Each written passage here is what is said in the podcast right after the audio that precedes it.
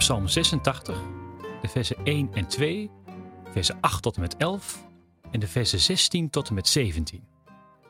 Een gebed van David. Heer, luister naar mij en geef mij antwoord. Ik ben ongelukkig en alleen. Bescherm mij, want ik ben trouw aan u. Red mij, want u bent mijn God. Op u vertrouw ik. Heer, u bent anders dan andere goden. Geen God is zo machtig als u.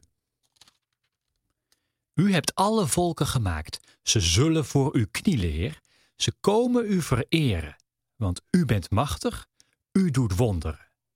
U bent God, u alleen. Heer, leer mij hoe ik moet leven.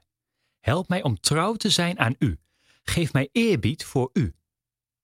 Kom bij me en laat me uw liefde zien. Geef mij kracht en red mij. Heer, help mij en geef mij moed. Geef me een teken van uw goedheid. Mijn vijanden zullen vluchten als ze zien dat u mij helpt.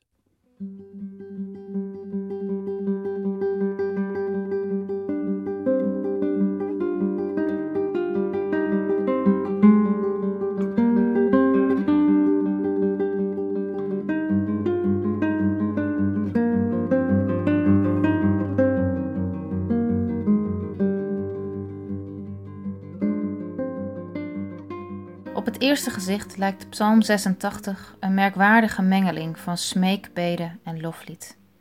Het gaat van ellende en uitzichtloosheid naar loven van God en weer terug. De dichter lijkt in tweestrijd te verkeren. Verschillende stemmen strijden om de voorrang. Herken je dat, zo'n innerlijk gesprek? Het ene moment denk je: ik voel me moe en ik zie het niet zitten. Ik voel me alleen ik wil zo graag mensen om me heen. En het andere moment denk je: ach, ik moet me niet zo aanstellen. Er is zoveel om dankbaar voor te zijn. Ook al is het soms allemaal anders dan anders. In de psalm hoor ik verschillende gedachten door elkaar heen lopen. Er klinkt de ervaring van verlatenheid. De dichter voelt zich in de steek gelaten, overgeleverd aan slechte mensen. Maar er klinkt ook de stem van vertrouwen in God, dat God er zal zijn. Of is het een stem van geloven tegen beter weten in? De dichter heeft weet van Gods grote daden, van goedheid, van trouw. Misschien vanuit de verhalen die hij vroeger als kind heeft gehoord. Hij kent de Exodus-verhalen over God die het volk van Israël bevrijdde, die er altijd is en die mensen altijd een tweede kans geeft hij weet het, maar voelt hij het ook? Tussen de regels door lees ik dat de dichter zichzelf probeert te overtuigen. Het lijkt alsof de ik-persoon in de psalm zegt: Ja, van horen zeggen weet ik van Gods kracht.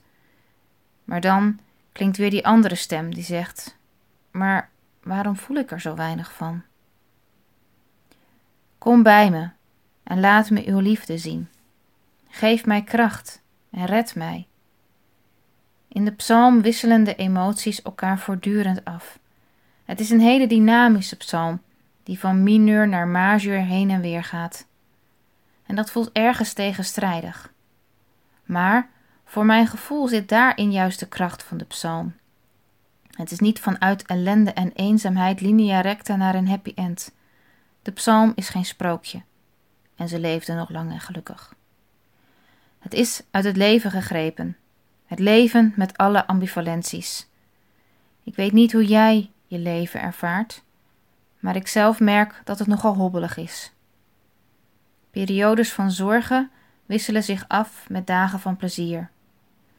Er kan spanning zitten tussen dat waarin je gelooft, liefde, goedheid, vrede, mensen om je heen, en dat wat je voelt eenzaamheid, vervreemding, als je je niet herkent in wat andere mensen zeggen. Geloof en gevoel zitten niet altijd op één lijn. Als je je zo dubbel voelt, zijn verhalen met een recht toe, recht aan happy end soms het laatste waar je op zit te wachten.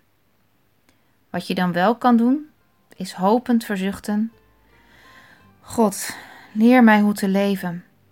Geef mij moed Geef me een teken van goedheid. Wat zijn voor jou kleine sprankjes hoop? Welke grote en meeslepende verhalen helpen jou om de moed erin te houden? Waar zie je sporen van God in de wereld en in je leven?